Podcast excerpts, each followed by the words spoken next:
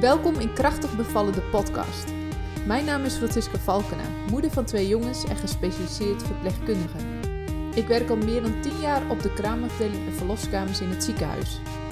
Met deze podcast wil ik je informeren, motiveren en inspireren over de zwangerschap, bevallen en de kraamtijd. Naast mijn werk in het ziekenhuis heb ik een online platform voor zwangere vrouwen opgezet. Op dit platform kun je andere zwangere vrouwen ontmoeten en staat er een complete en deskundige cursus voor je klaar. Wil jij goed voorbereid zijn op jouw bevalling? Kijk dan op www.krachtigbevallen.nl. Dit is deel 2 van de podcastopname van Willem Hospes. In deel 1 vertelt hij over hoe ze de bevalling hebben beleefd. Erg bijzonder om te horen hoe het is om als partner naast de bevalling te staan. En in deel 2 gaan we het hebben over hun kraamtijd. Wat komt er allemaal op je af als aanstaande ouders? Nou, super Willem. Dat was eh, echt een eh, heel inspirerend verhaal over je eh, bevalling. Over jullie bevalling. Over de geboorte van jullie kindje. En ehm, ja, dan ga je natuurlijk zo'n natraject in. Want dan heb je zo'n keizersnede gehad. Nou, je vertelde al, hè. ehm, jullie jongetje die kwam lekker bij Renske te liggen. Ja, Hè? En op dat moment, hè, we proberen eigenlijk altijd tijdens zo'n keizersnede om moeder en kind niet van elkaar te scheiden. Hè? Dat hangt heel erg af van de situatie. Hè? Of kind het goed doet en of moeder het goed doet, zeg maar. Ehm, en dan vervolgens ga je naar de afdeling, ja. denk ik, of niet? Nou ja, ehm, die kleine was inderdaad eerst bij de moeder. eh, en, en bij mij natuurlijk. Zaten ze Mhm. met z'n drieën een beetje bij elkaar zo eh, even wat te genieten en zo. En toen eh, uiteindelijk was de operatie afgerond. Ja? Alleen ze heeft dan wel allemaal wat medicatie gekregen. En dan, dus dan moet ze eerst naar een Uitslaapkamer? Ja, precies. Moest ze daar even naartoe. En ehm, dan gaat die baby, die ging even in de couveuse. Ja. En ik kan me nog heel goed herinneren dat hij hij lag in de couveuse en dan inderdaad eh, heel helder eh, te kijken en zo. En dat noemen ze dan ook nog wat uurtje. Ja, het gouden uur. Het gouden uur. Ja. Ja. Ja, dat geloof ik meteen, want hij was echt hij was helemaal rustig en hij was echt zo aan het kijken. Heel alert, hè? Heel, ja, en dat was wel, dat was wel een mooi moment ook, vond ik. En toen, nou, uiteindelijk naar die uitslaapkamer. Nee, wat Mhm. zei je nou? Ja, Uitslaap- ja, uitsla- ja. Ja. verkoever, Ja. uitslaapkamer, het is hetzelfde. Ja. En toen, eh, nou ja, dan eh andere dame ging allemaal wat dingen, ja, wat checken en wat... eh, Je hebt bewegen, meten, ja, dat van alles alleen. En dan moest ze haar voeten bewegen, maar ze, ze dachten dat kan nu nog niet, maar dat kon ze meteen eigenlijk al. Oké, Dus ze kwam daar en ze mocht weer weg. Daar kwam het ook op neer. oké. Oh, maar nou, dat voor, de vorm, voor, de zijn we daar tien minuutjes gebleven. Oh ja. Dus hebben we een beetje eh, wel een gezellig praatje en dan was het nog volgens mij een kinderhuis en er was ook eh, aan het hoeren en eh, dat was best wel eh, gezellig. Dus jammer dat we daar weer weg moesten eigenlijk, maar Ja. goed. En toen gingen we dus terug naar de afdeling, als ik me goed herinner. En eh, toen kregen we een eigen kamer en eh, nou ja, dan kwam het jongetje. En dan, ja, en dan is het in één keer natuurlijk, eh Renske kon niks meer, want die was net geopereerd. En die kleine die moet wel continu aan de borst en zo om dat te stimuleren, want we hadden gewoon borstvoeding. En, en, en nou ja, je hebt twee nachten niet geslapen. Nee. Dus, en dan lig je, nou ik denk een uur of drie, half vier, 's ochtends of zo, dat wij terug op die afdeling kwamen.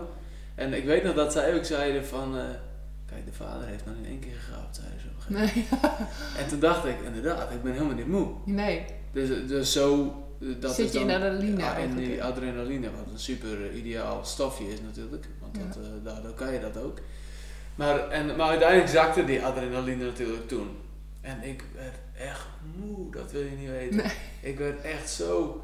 En, eh, nou ja, en dan voor je gevoel kan het ook. Maar dat was een foute gedachte voor mij. Want die kleine die was er en Ja. Renske kon niks doen. En die kleine die moest, eh, weet ik veel, die moest dan eh, verschoond worden. En ze- Ja. Ik weet niet precies, maar er moesten wel dingen gebeuren. Ja.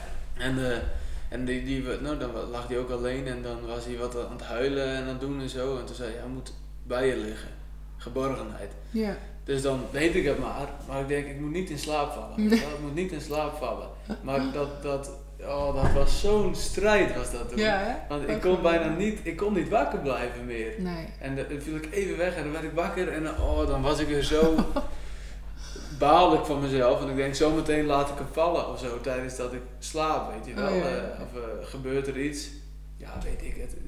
Ik denk, nu zou ik er andere gedachte bij hebben, want nu ben je dat wat meer gewend en weet je hoe je reageert. Maar op dat moment is het je zo dierbaar en het is heel kwetsbaar. En, Ja. maar moet kon bijna niet wennen wakker- ook. Ja, heel erg wennen, ja. Ja. En ik- ja, ik kon, maar ik kon gewoon bijna niet wakker worden. Dus, oh, wakker blijven, sorry. Dus ik was op een gegeven moment blij dat het licht werd. Ja, En eh, toen ben ik gewoon weer afgegaan en toen, eh, toen kon ik gewoon, toen was het, werd het iets makkelijker Oh, ja. voor me. Ja. En nou ja, toen- vermoeidheid slaat een keer toe natuurlijk. En vooral inderdaad dat die adre- adrenaline wat zakt. Dan denk je ineens, oh mijn god, wat ben ik moe eigenlijk. Hè? Ja, ja en, en ik dacht ook van oké, dus nu is het er, weet je wel. Ja, Nu kunnen we eventjes bijkomen. even ontspannen. Ja. En, eh, en normaal is dat ook wel, als je misschien beide iets meer, dan kan je het wat afwisselen. Maar nu kwam het wel op mij, zeg maar. eh, dus op een gegeven moment ook liep ik, moest ik naar het toilet en we hadden geen toilet. Dus ik liep gewoon over, in een onderbroek over die gang heen. En, het maakt mij allemaal niet zoveel uit. Nee, Ik dacht gewoon, ik ben moe en ik doe mijn ding hier. Dus, maar achteraf, ja, dat, van, ik was ook wat in een andere wereld of zo. ja, ja. Anders, ik- ja, in principe loop je daar gewoon eh, in je onderbroek in- door het ziekenhuis heen. Ah, nou, misschien vonden zusters het niet erg. Nee, ik maar, heb eh, geen commentaar gehad of zo. Nee. Oh, ja, ja. ja, kun je zien hoe, wat het dan met je doet. Hè? Dat, dat je gewoon even helemaal uit je normaal bent, zeg maar. Hè? Ja. Om het zomaar eh, Ja, een weer te geven. Ja, en dat inderdaad, hè, wat je benoemt, dat eerste uur, dat probeer je ook tijdens zo'n keizersnee zo maximaal mogelijk eh, het te benutten, zeg maar. En dat eerste uur is er echt voor, voor de mensen die het even niet weten, dat zo'n kindje dus heel alert is. Waardoor het heel goed is om dat hechtingsproces op gang te helpen. oh, en dat doe je door het kindje zoveel mogelijk bij de moeder. Hè, omdat de moeder de geur van de moeder, de stem van de moeder herkent Ja. het kindje het meest. ja. Maar stel dat dat niet kan, dan is dat heel belangrijk dat de vader dat op zich neemt. Oh. Ook probeert hij huid-op-huid contact te doen. Hè. Dus soms zeggen we ook echt tegen vaders van nou, hè, doe je, Doe Shirt, ja, doe je- Ja, het klinkt- shirt, ja. doe je shirt Ja. maar uit. En dat je zo'n kindje ook echt bloot op bloot krijgt. Omdat die hechting heel belangrijk is Ja. voor het kindje. En dat kan eigenlijk ja, even goed bij de, of nou ja, even goed is overdreven. Maar dat kan ook heel goed bij de vader. omdat ook die stem horen ze. Maar wat een kind vooral heel veel houvast biedt, is dat ze de hartslag horen. Ja, oké. En of dat nou van moeder of, hè, van moeder of vader is, zeg maar, die hartslag hebben ze negen maanden lang gehoord. Ja, Dat kloppen van het hart. en dat, Hè, dat ritme, Ja, dat is heel bekend voor ze en daar worden ze rustig van. Dus en die warmte doordat je huid op huid hebt, oh, eigenlijk jouw stemgeluid en dan die combinatie van die hartslag, zorgt ervoor dat zo'n kindje heel rustig wordt. Ja. En ja. dat biedt dan weer die geborgenheid. Hè? Wat Ja. je zei van ja, dat is goed voor die Ja, het is geborgenheid. herkenbaar voor ze. Ja, Ja, dat is een stuk. Ja, geborgen, ja, ja. want ja, je bent ineens uit In de baarmoeder vreemde gehaald. wereld, ja. Ja. Dat, ja, dat is ook zo. Dat is natuurlijk best wel impact. Dat is en ook zo. eh, die adrenaline heeft ook zo'n kindje gediend. Hè? Dus dat eerste uur heb je die, zo'n kindje dat adrenaline nodig om Ja. die transitie door te maken van nou ja, in de baarmoeder naar buiten de baarmoeder. Hè? Dat Ja. leven buiten de ba- de baarmoeder. Waardoor die longen moet gaan gebruiken. En dan zie je eigenlijk dat ze daardoor die adrenaline nodig hebben om te gaan huilen. Ja. Ineens moeten ze hun eigen lichaamstemperatuur regelen. Ze gaan ineens plassen, poepen, drinken. Ja, Ze hebben honger. Weet je, dat zijn allemaal dingen die bij ons natuurlijk gaan. Maar voor zo'n kindje is dat nieuw. Alles, alles tegelijk. En, eh, ja, en zo'n kindje nieuw, ja. die moet ineens heel veel zelf doen. Terwijl Ja. hij dat eerder niet hoefde of Nee. niet deed. Ja. Dus dat is een hele grote, dat, dat vergeten wij wel eens, hoe grote ja, verandering dat is. Ja. Ja. Hoeveel dat vergt voor zo'n kindje. Dus hoe meer geborgenheid je daarin kunt geven, hoe beter dat eigenlijk voor zo'n kindje is. Ja, eigenlijk hoe dichter je bij zijn oude wereld even kan komen. Hoe beter, Ja. klopt. Ja. En dan zeggen mensen wel, ja, maar hij moet ook in zijn eigen wiegje kunnen. Ja, tuurlijk. Maar dat is eigenlijk in het begin. Nou, in het begin is dat helemaal niet belangrijk. Nee, Hè? nee. Eh, je kan een kindje ook echt de eerste maanden niet verwennen. Nee. Ik zeg ook altijd, neem zo'n kindje zoveel mogelijk bij je. En vooral als hij het aangeeft, als hij Ja. wat huilt of Ja. nou ja, aandacht vraagt, zeg maar, dan is dat echt uit zijn prim- primaire reactie weer. Hè? We hadden het zo net natuurlijk in de vorige aflevering ook een beetje gehad over die primaire Ja. reacties. Dat is met zo'n kindje nog veel meer zo. Ja. Die heeft eigenlijk, Eigenlijk alleen, alleen maar maar primaire, primaire reacties. reacties, Ja, dat is hè, dat huilen en de geluidjes en dingetjes die hij maakt, dat, dat is echt, daarom kan je merken of er iets is, zeg maar. Hè, terwijl wij kunnen dat natuurlijk op allerlei manieren kenbaar maken, maar zo'n kleine niet. Nee, nee, nee. Hè, dus ik zeg ook altijd tegen ouders die vooral voor de eerste keer ouders worden, ga, hè, vervul die behoefte direct, zeg maar, die eerste dagen. En tuurlijk, je kan een kindje heus wel eventjes laten huilen. Maar in die eerste dagen is dat, ja, is dat niet nodig. Nee, Hè? nee. Maar dat is wel volgens mij ook veranderd, of niet? Ja, dat, een beetje. Ja, ik denk wel. Nou, ik denk dat er meer informatie beschikbaar is. Hè? Dus ik denk dat we meer onderzoeken daarna gedaan hebben hoe Ja. belangrijk eigenlijk die eerste fase was. Ja. Want ja, ik weet nog heel goed ehm, dat de wiegenkamers waren in het ziekenhuis. Hè? Dus dat we moeder en kind van elkaar scheiden. En hè, dat we wiegenkamers hadden waar de Ja. kindjes allemaal op een rij lagen. Ja, Hè? En niet bij de moeder. Nee. Dus die, ja, daar zijn we veel, heel erg in Ja. gegroeid. Hoe belangrijk dat is. Hè? Daarom proberen we zelfs bij de keizersnede, was vroeger ook dus niet zo, moeder en kind niet van elkaar te scheiden als het niet medisch noodzakelijk nee, is. En dat is eigenlijk nog wel de meest waardevolle, denk ik, voor die kinderen. Om, die, ja, om, om dat contact eigenlijk zo lang mogelijk bij elkaar te houden. Maar is het dan puur zeg maar, van god, die geborgenheid, want dan, dan voelen ze zich fijn bij en rustig? Of is het ook echt die, die hechting waar jij het over had? Ja, het, is, het is zeker ook een stuk hechting. Maar, en, en dan ook al, zeg maar. Ja, Zo, ja, ja, zo echt als ze er net uit zijn, dan meteen al. Ja, er zijn wel onderzoeken, en dat, dat weet ik echt niet allemaal uit mijn hoofd, maar ik weet dat er onderzoeken zijn naar eh, kinderen die hè, soms geadopteerd worden, dus gelijk bij de moeder weggehaald wordt in een ander gezin Ja. eh, komen, dat daar zelfs problematiek terug te halen valt naar het eerste beginmoment. Ja, dus dat gaat heel ver natuurlijk, en ik weet niet precies hoe en wat dat zit, maar ik weet dat daar wel onderzoeken naar zijn gedaan. En dat wil niet zeggen dat het met- meteen schadelijk is of zo. Want je, Nee. je zou dat prima, hè, als je daarna heel veel liefde en aandacht geeft. Ik zeg altijd, eigenlijk is liefde hè, wat zo'n kindje eigenlijk nodig heeft. Ja. Eh, Ja, weet je, natuurlijk heeft het ook eten nodig en weet ik veel wat. Maar als je een, een, een, baby zou ontzien van liefde, zeg maar, zou het ook doodgaan. Ja. Hè? En dat is natuurlijk, dat beseffen wij ons veel te weinig. Hè? Dat dat natuurlijk... Ja, het is dus niet alleen, het is niet alleen voeding en Nee.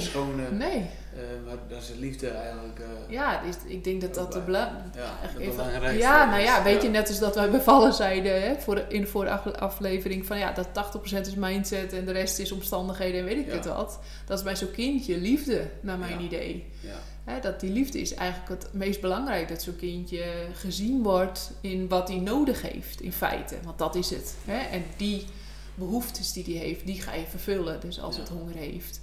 En dat zie je vanuit liefde, zeg maar, doordat je je kind ziet en eh, wat hij nodig heeft, zeg maar. Als je zo'n kindje niet zou zien, ja, dan hoor je het op een gegeven moment gillen en schreeuwen. En dan denk je, oh, die heeft vast honger. Hè? Dat Ja. is een hele andere benadering dan dat je eerder al die voedingssignalen ja, ziet. Ja, dat is dat inderdaad eh, ons toen ook verteld. Ja. Van dat je dan eh, vaak als ze gaan huilen, dan is dat, dat is een laatste redmiddel, zeg maar. Ja, Maar daarvoor hebben ze al bepaalde, weet ik veel, smaakgeluidjes, zo weet ik het.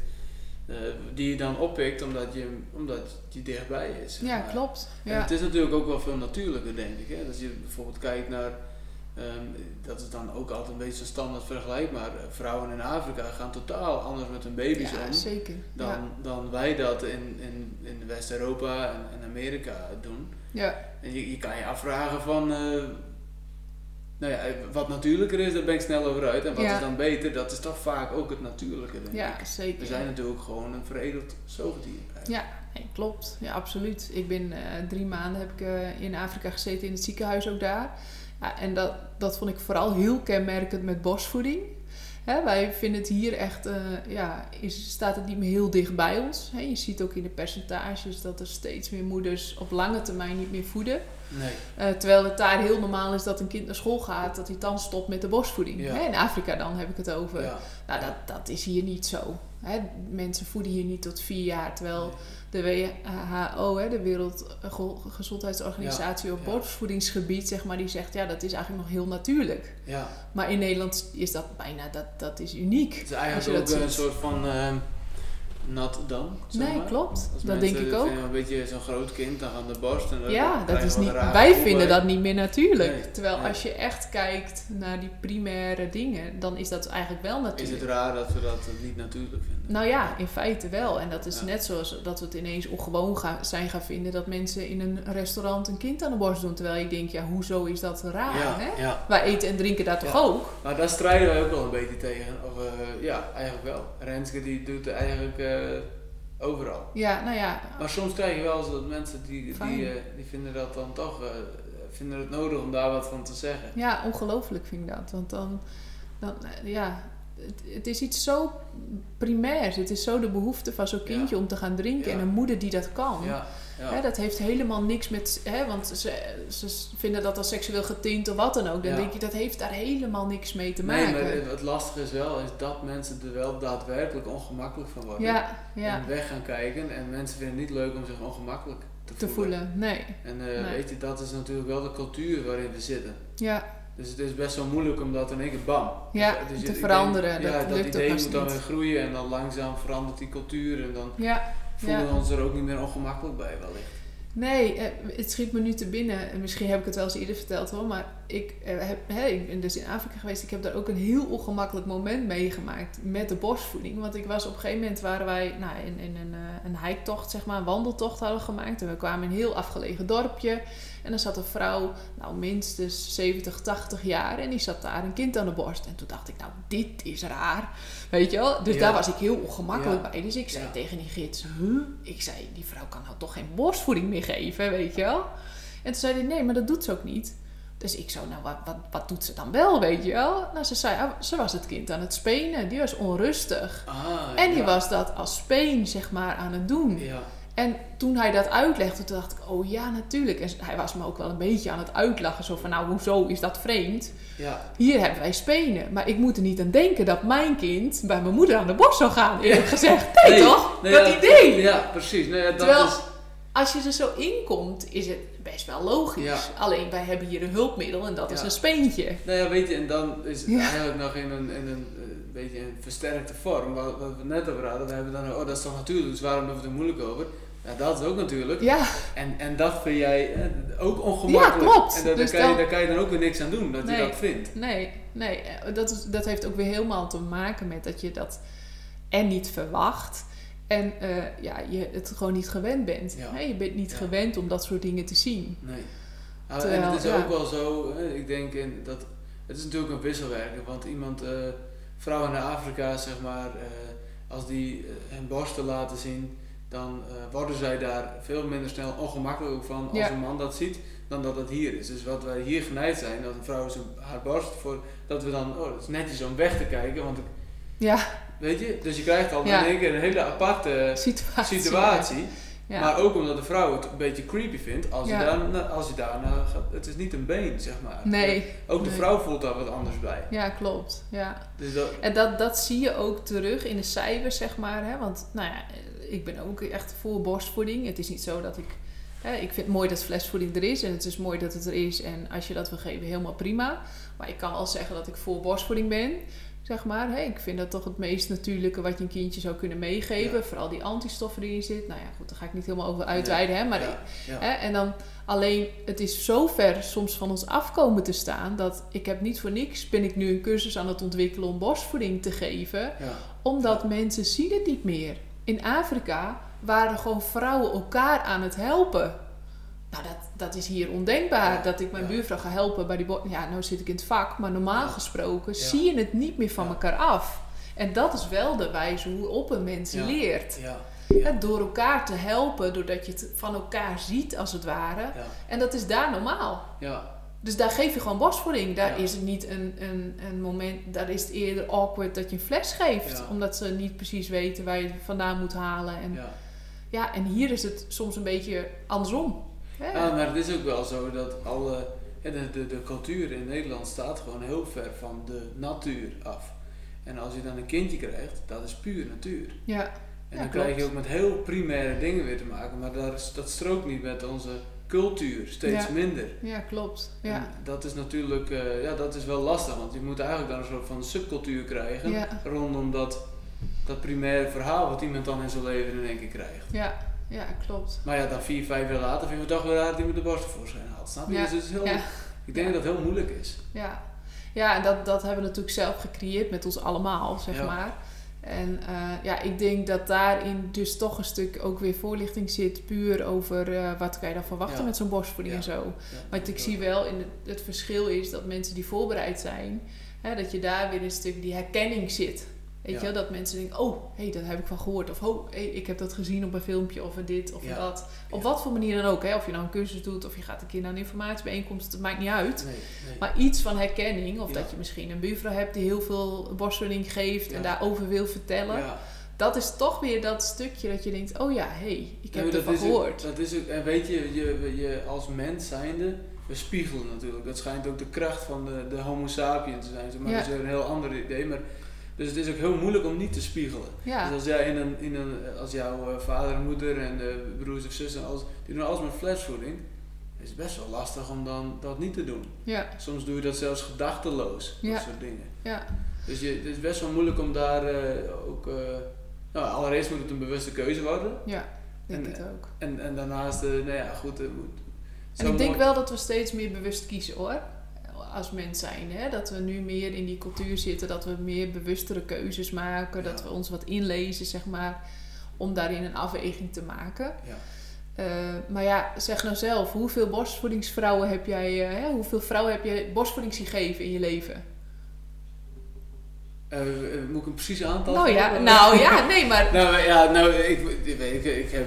Heb je het misschien één keer gezien of nog nooit? Nee, er zijn genoeg mannen ja. die het nog nooit gezien hebben.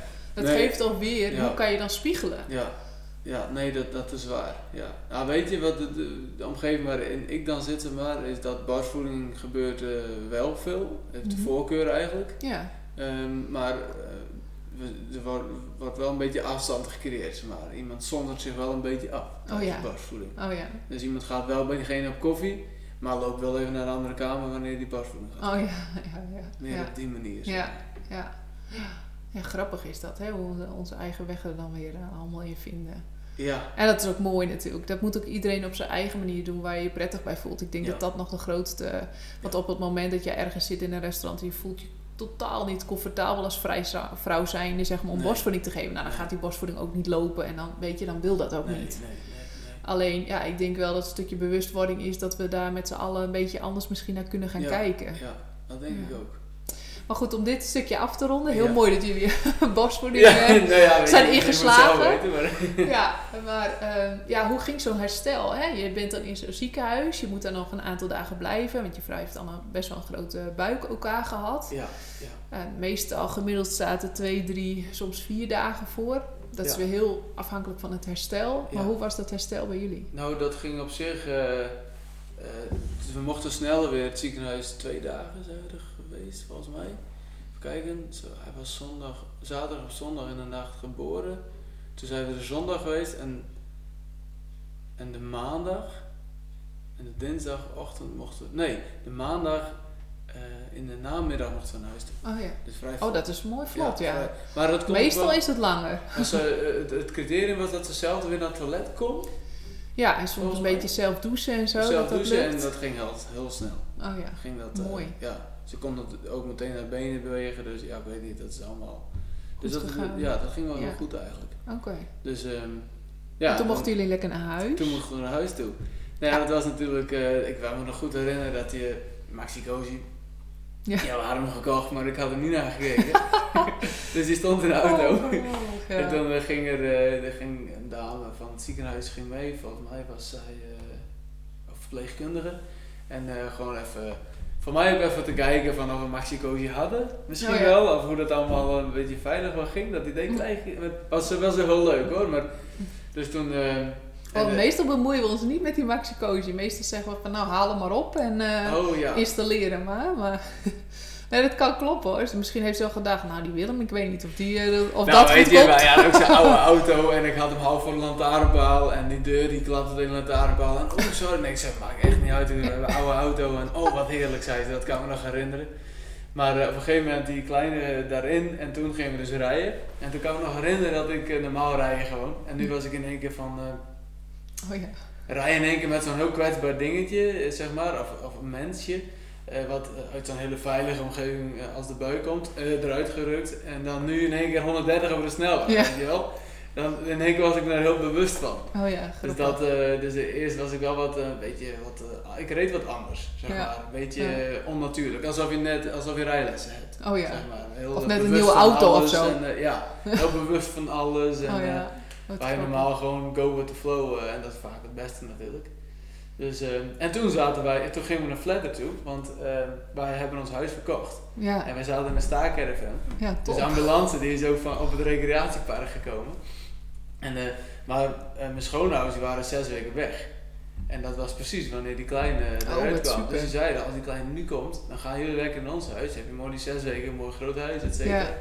Dus toen waren wij in een heel andere regio in één keer. En dat heel groot huis, het, het was allemaal anders. Ja, Maar uiteindelijk wel heel erg leuk. En de, toen kwam de... Oh nee, dat weet ik ook nog goed, ja. toen was de, ah, in de, dat, kwamen we thuis aan het einde van de dag. En ik heb dus eh, eh, broers en zussen. En ik heb mijn oudste broer, die heeft al vier kinderen. En bij de eerste, dat was de allereerste. ehm eerste kleinkind, zeg maar. En toen eh, kwamen zij thuis, helemaal kapot natuurlijk. En ze was- stond daar, de huiskamer vol met mensen. Als verrassing. Als we, ja, die, waren, die, die waren de kleine zien, die waren nieuwsgierig en, Oh, en zij konden, nou ja, ze, ze vielen ook bijna om, zeg maar. Ja, En, eh, en wij waren daar toen ook bij. En toen eh, had hij bedacht van, eh, als Willem een kleine krijgt, dan doen we dat ook. dan doen wij dat ook. Oh. Maar niet zo'n grote groep, alleen zij waren Oh, er. Oh, ja. Zij kwamen. Maar ze, dus op een gegeven moment stonden zij voor de deur. Maar ik had daar echt helemaal geen Geen zicht. ik dacht echt, ga alsjeblieft weg, weet je wel. Echt, eh, maar weet je, dat doe je ook niet, want ze hadden drie kwartier gereden. Maar zij waren zich er wel bewust van, dus dat is ook een beetje klieren. Ja. Dus ze zijn er kort gebleven. Maar ja, weet je, ze, ze, ze vroegen allemaal dingen en ik, ik kon amper uit mijn woorden komen. Ik- Ja. ik- weet je, het was echt een heel apart bezoekje was dat. Ja. En eh, nou goed, uiteindelijk waren zij weg en toen, eh, toen kwam de kraamhulp volgens mij ook nog, Ja. diezelfde dag. En dat was eh, een hele leuke vrouw was dat, hadden we echt een goede klik mee. Nou, super. Dus dat was, eh, ja, dat was, nou, en dan die dagen daarna, dan, eh, daar heb je echt, hebben we echt veel aan gehad. Oké, wat fijn. En veel meer dan ik van tevoren had gedacht, weet ik dacht gewoon praktisch. Ja. Maar ook heel, je hebt toch heel veel dingen met die kleine van, oh, hoe doe je dat, hoe doe je dit? En eh, ja, het is, het is gewoon een lekkere iemand die gewoon alle antwoorden zo'n beetje ja. heeft op dat gebied. Een soort Google die je naast je hebt. Ja, en ook ze voorspelden dan ook heel veel, weet je Oh, wel. ja. Van nu doet hij dit en dan waarschijnlijk morgen, of misschien het einde van de dag, dan komt dit een beetje en dan Oh, kan je zo mee omgaan. En, ja, dat was wel, Geeft toen had je maximale controle eigenlijk Ja. voor je gevoel over Ja. de situatie. En dat was lang geleden. Ja, kun je nagaan dat dat zo, toch zo belangrijk is. Ja, hè? Terwijl ja. je denkt van nou, ik laat eh, go with the flow, zeg maar. Ja. Maar eigenlijk kom je dan toch ook wel weer achter dat die controle voor jezelf toch wel heel belangrijk is. Ja, nee, ja, je wil dat niet, eh, niet fout doen.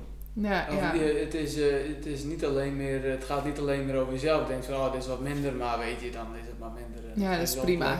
ja, Maar zo'n kleintje, die is dan helemaal overstuur. ja, En ja. die, die, die, die is gewoon, weet je, die heeft al zoveel te verkroppen. En dan ben ik ook nog onhandig. Ja. Heeft hij nog meer te verkroppen, weet je wel, dat gevoel. ja, ja, Dus ik was gewoon heel erg blij dat zij daar, nou dat dan zo heel goed. En gewoon, dus aan het einde van de week hebben we haar ook een dikke bos bloemen gegeven. En, Ja.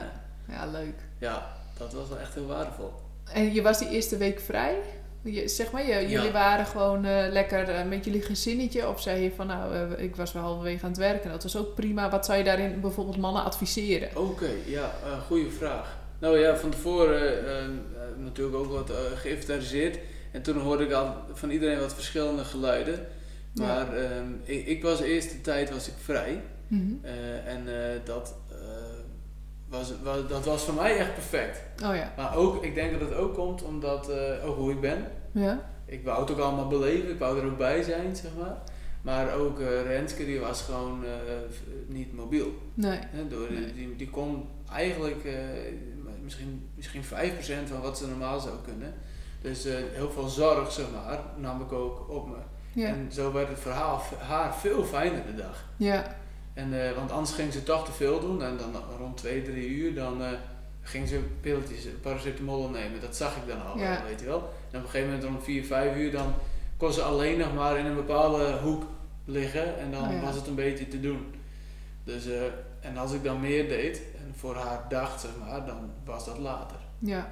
Ja. Ging dat veel langer goed. Dus die hulp was wel echt, ja, gewoon heel wenselijk, zeg Maar die was heel wenselijk. En je zit lekker in zo'n zo'n Bubbel, bubbel, dat ja. de rest van de wereld niet bestaat. Ja. En die bubbel die heeft gewoon lang geduurd. Ja. daardoor. Dus ja. dat- dat- Doordat je lekker samen was, bedoel je? Of. En, en heb je dan ook nog zoiets van, ja, ehm, wat, wat wij zien in het ziekenhuis bijvoorbeeld, hè, corona heeft natuurlijk vaak een hele negatieve lading. Wat logisch is, mensen zijn ziek en vinden het vervelend. Maar wat wij als positief echt heel erg ervaren, is dat mensen wat langer alleen met hun gezinnetje zijn en niet zoveel bezoek ontvangen. Hè? Want anders hadden we Oh, ja. hele ladingen vol met bezoek. Ja, En vooral bij bepaalde regio's, eh, als Urk bijvoorbeeld, kwamen hele families langs Ja, in die eerste ja. dagen. ja. Ja, die mensen zijn alleen al kapot van het bezoek, zeg ja, maar. meer cateren, socializen. En, Ja, en Nou, dat, dat effect zien we wel als een positief effect. Dat het toch eigenlijk wel heel belangrijk is. Hè, wat jij ook schetste met je broer die langskwam. Hoe leuk misschien het is normaal om je broer te ontvangen. Ja. Dat het eigenlijk best wel belangrijk en goed voelt om de eerste tijd even samen te Ja, zijn. Hè? Ja, ik denk even ook, te, ja. ja, te En ik ervaren. denk- zeg ja, maar. ja, ja, ik, dat is, eh, we, dat hebben, wij hebben denk ik ook, het, het bezoek is wel, zou er geen corona zijn geweest, was het ook anders verlopen met bezoek. Meer achter elkaar en tegelijk en zo. Dus je zit er nu wel wat langer in, Ja. denk ik. Ja, dat wel. ja. Maar ehm, wel minder intens. En wat wij als voordeel hadden, is dat wij uit onze eigen regio zaten. Oh ja, Dus wij waren sowieso al ja, minder, zeg maar, toegankelijk. ja. En, nou ja, goed, we waren ook wel een beetje duidelijk, of duidelijk, maar we hadden, ik, hou- ik hou wel gewoon van dat mensen gewoon zeggen van dit vind ik wel fijn, dit vind ik niet fijn, want dat is allemaal prima. Ja, Dus wij zeiden ook gewoon, nou weet je, doe maar rustig aan. Ja. Eh, komt wel. komt wel. Ja. Dus, ehm, dus we hebben aan het begin weinig bezoek gehad. Eh, en dat vonden we wel heel erg eh, fijn. Ja, Dat was echt, eh, ja. Kan je gewoon lekker focussen op die kleine en dat voelt gewoon op dat moment het beste. ja. En als je vaders tips moet geven voor zo'n kraamperiode om misschien op voor te bereiden, of dat je zegt, nou, dit, dit vond ik heel fijn tijdens die kraamperiode om te doen, of heb je daar nog bepaalde inzichten in gekregen dat je zegt, nou, dit vond ik wel heel opmerkelijk, of iets dat je zegt, nou, dit zou elke vader moeten weten of moeten doen, of iets in die trend, of stel ik nou een hele moeilijke vraag? Nee, nou, nou ja, het, het, eerste wat in me opkomt is het, het, het, het nut. Ik had eerst zoiets van, eh, ja, dat, ja, die dingen komen naar boven hè, als je erover nadenkt. Ja. Maar eh, ik had op een gegeven moment, had ik ook van, eh, we reden naar huis toe, van het ziekenhuis. En toen zei ik nou van, die kraamhulp die komt vanmiddag al, zei ik. Ja. En kunnen we dat niet afzeggen? Oh ja. Ik zei- Ik zei, wel, hoe helemaal geen kraamhulp? We redden ons wel, zei ik. Ja, Weet je wel, ik had echt zoiets van, eh, bemoeien, niemand moet ons even met ons bemoeien. nee. Maar ik heb echt heel zwaar onderschat hoeveel ik daarvan oh, eh, Ja. van, eh, aan gehad heb. ja. Eigenlijk. Of je daar ge- van geleerd hebt Van misschien. geleerd heb. En ja, dat was gewoon heel fijn. Dus vooral denk ik, ja, accepteer alles- die hulp en, en open je daar ook voor. Want dat, dat, dat heeft mij heel veel eh, geholpen, zeg maar, en geleerd ook. Ja, ja. Nou, ik denk dat dat een hele mooie is. Ja, hoe gaat het nu eh, om even terug te gaan, hè? eh, of nou ja, eigenlijk vooruit te gaan misschien. Eh, we hebben nu heel mooi die bevalling besproken. Jullie kraamtijd, als ik het zo hoor, is eigenlijk best wel heel fijn verlopen. Hè? Dat jullie lekker met jullie gezin konden zijn.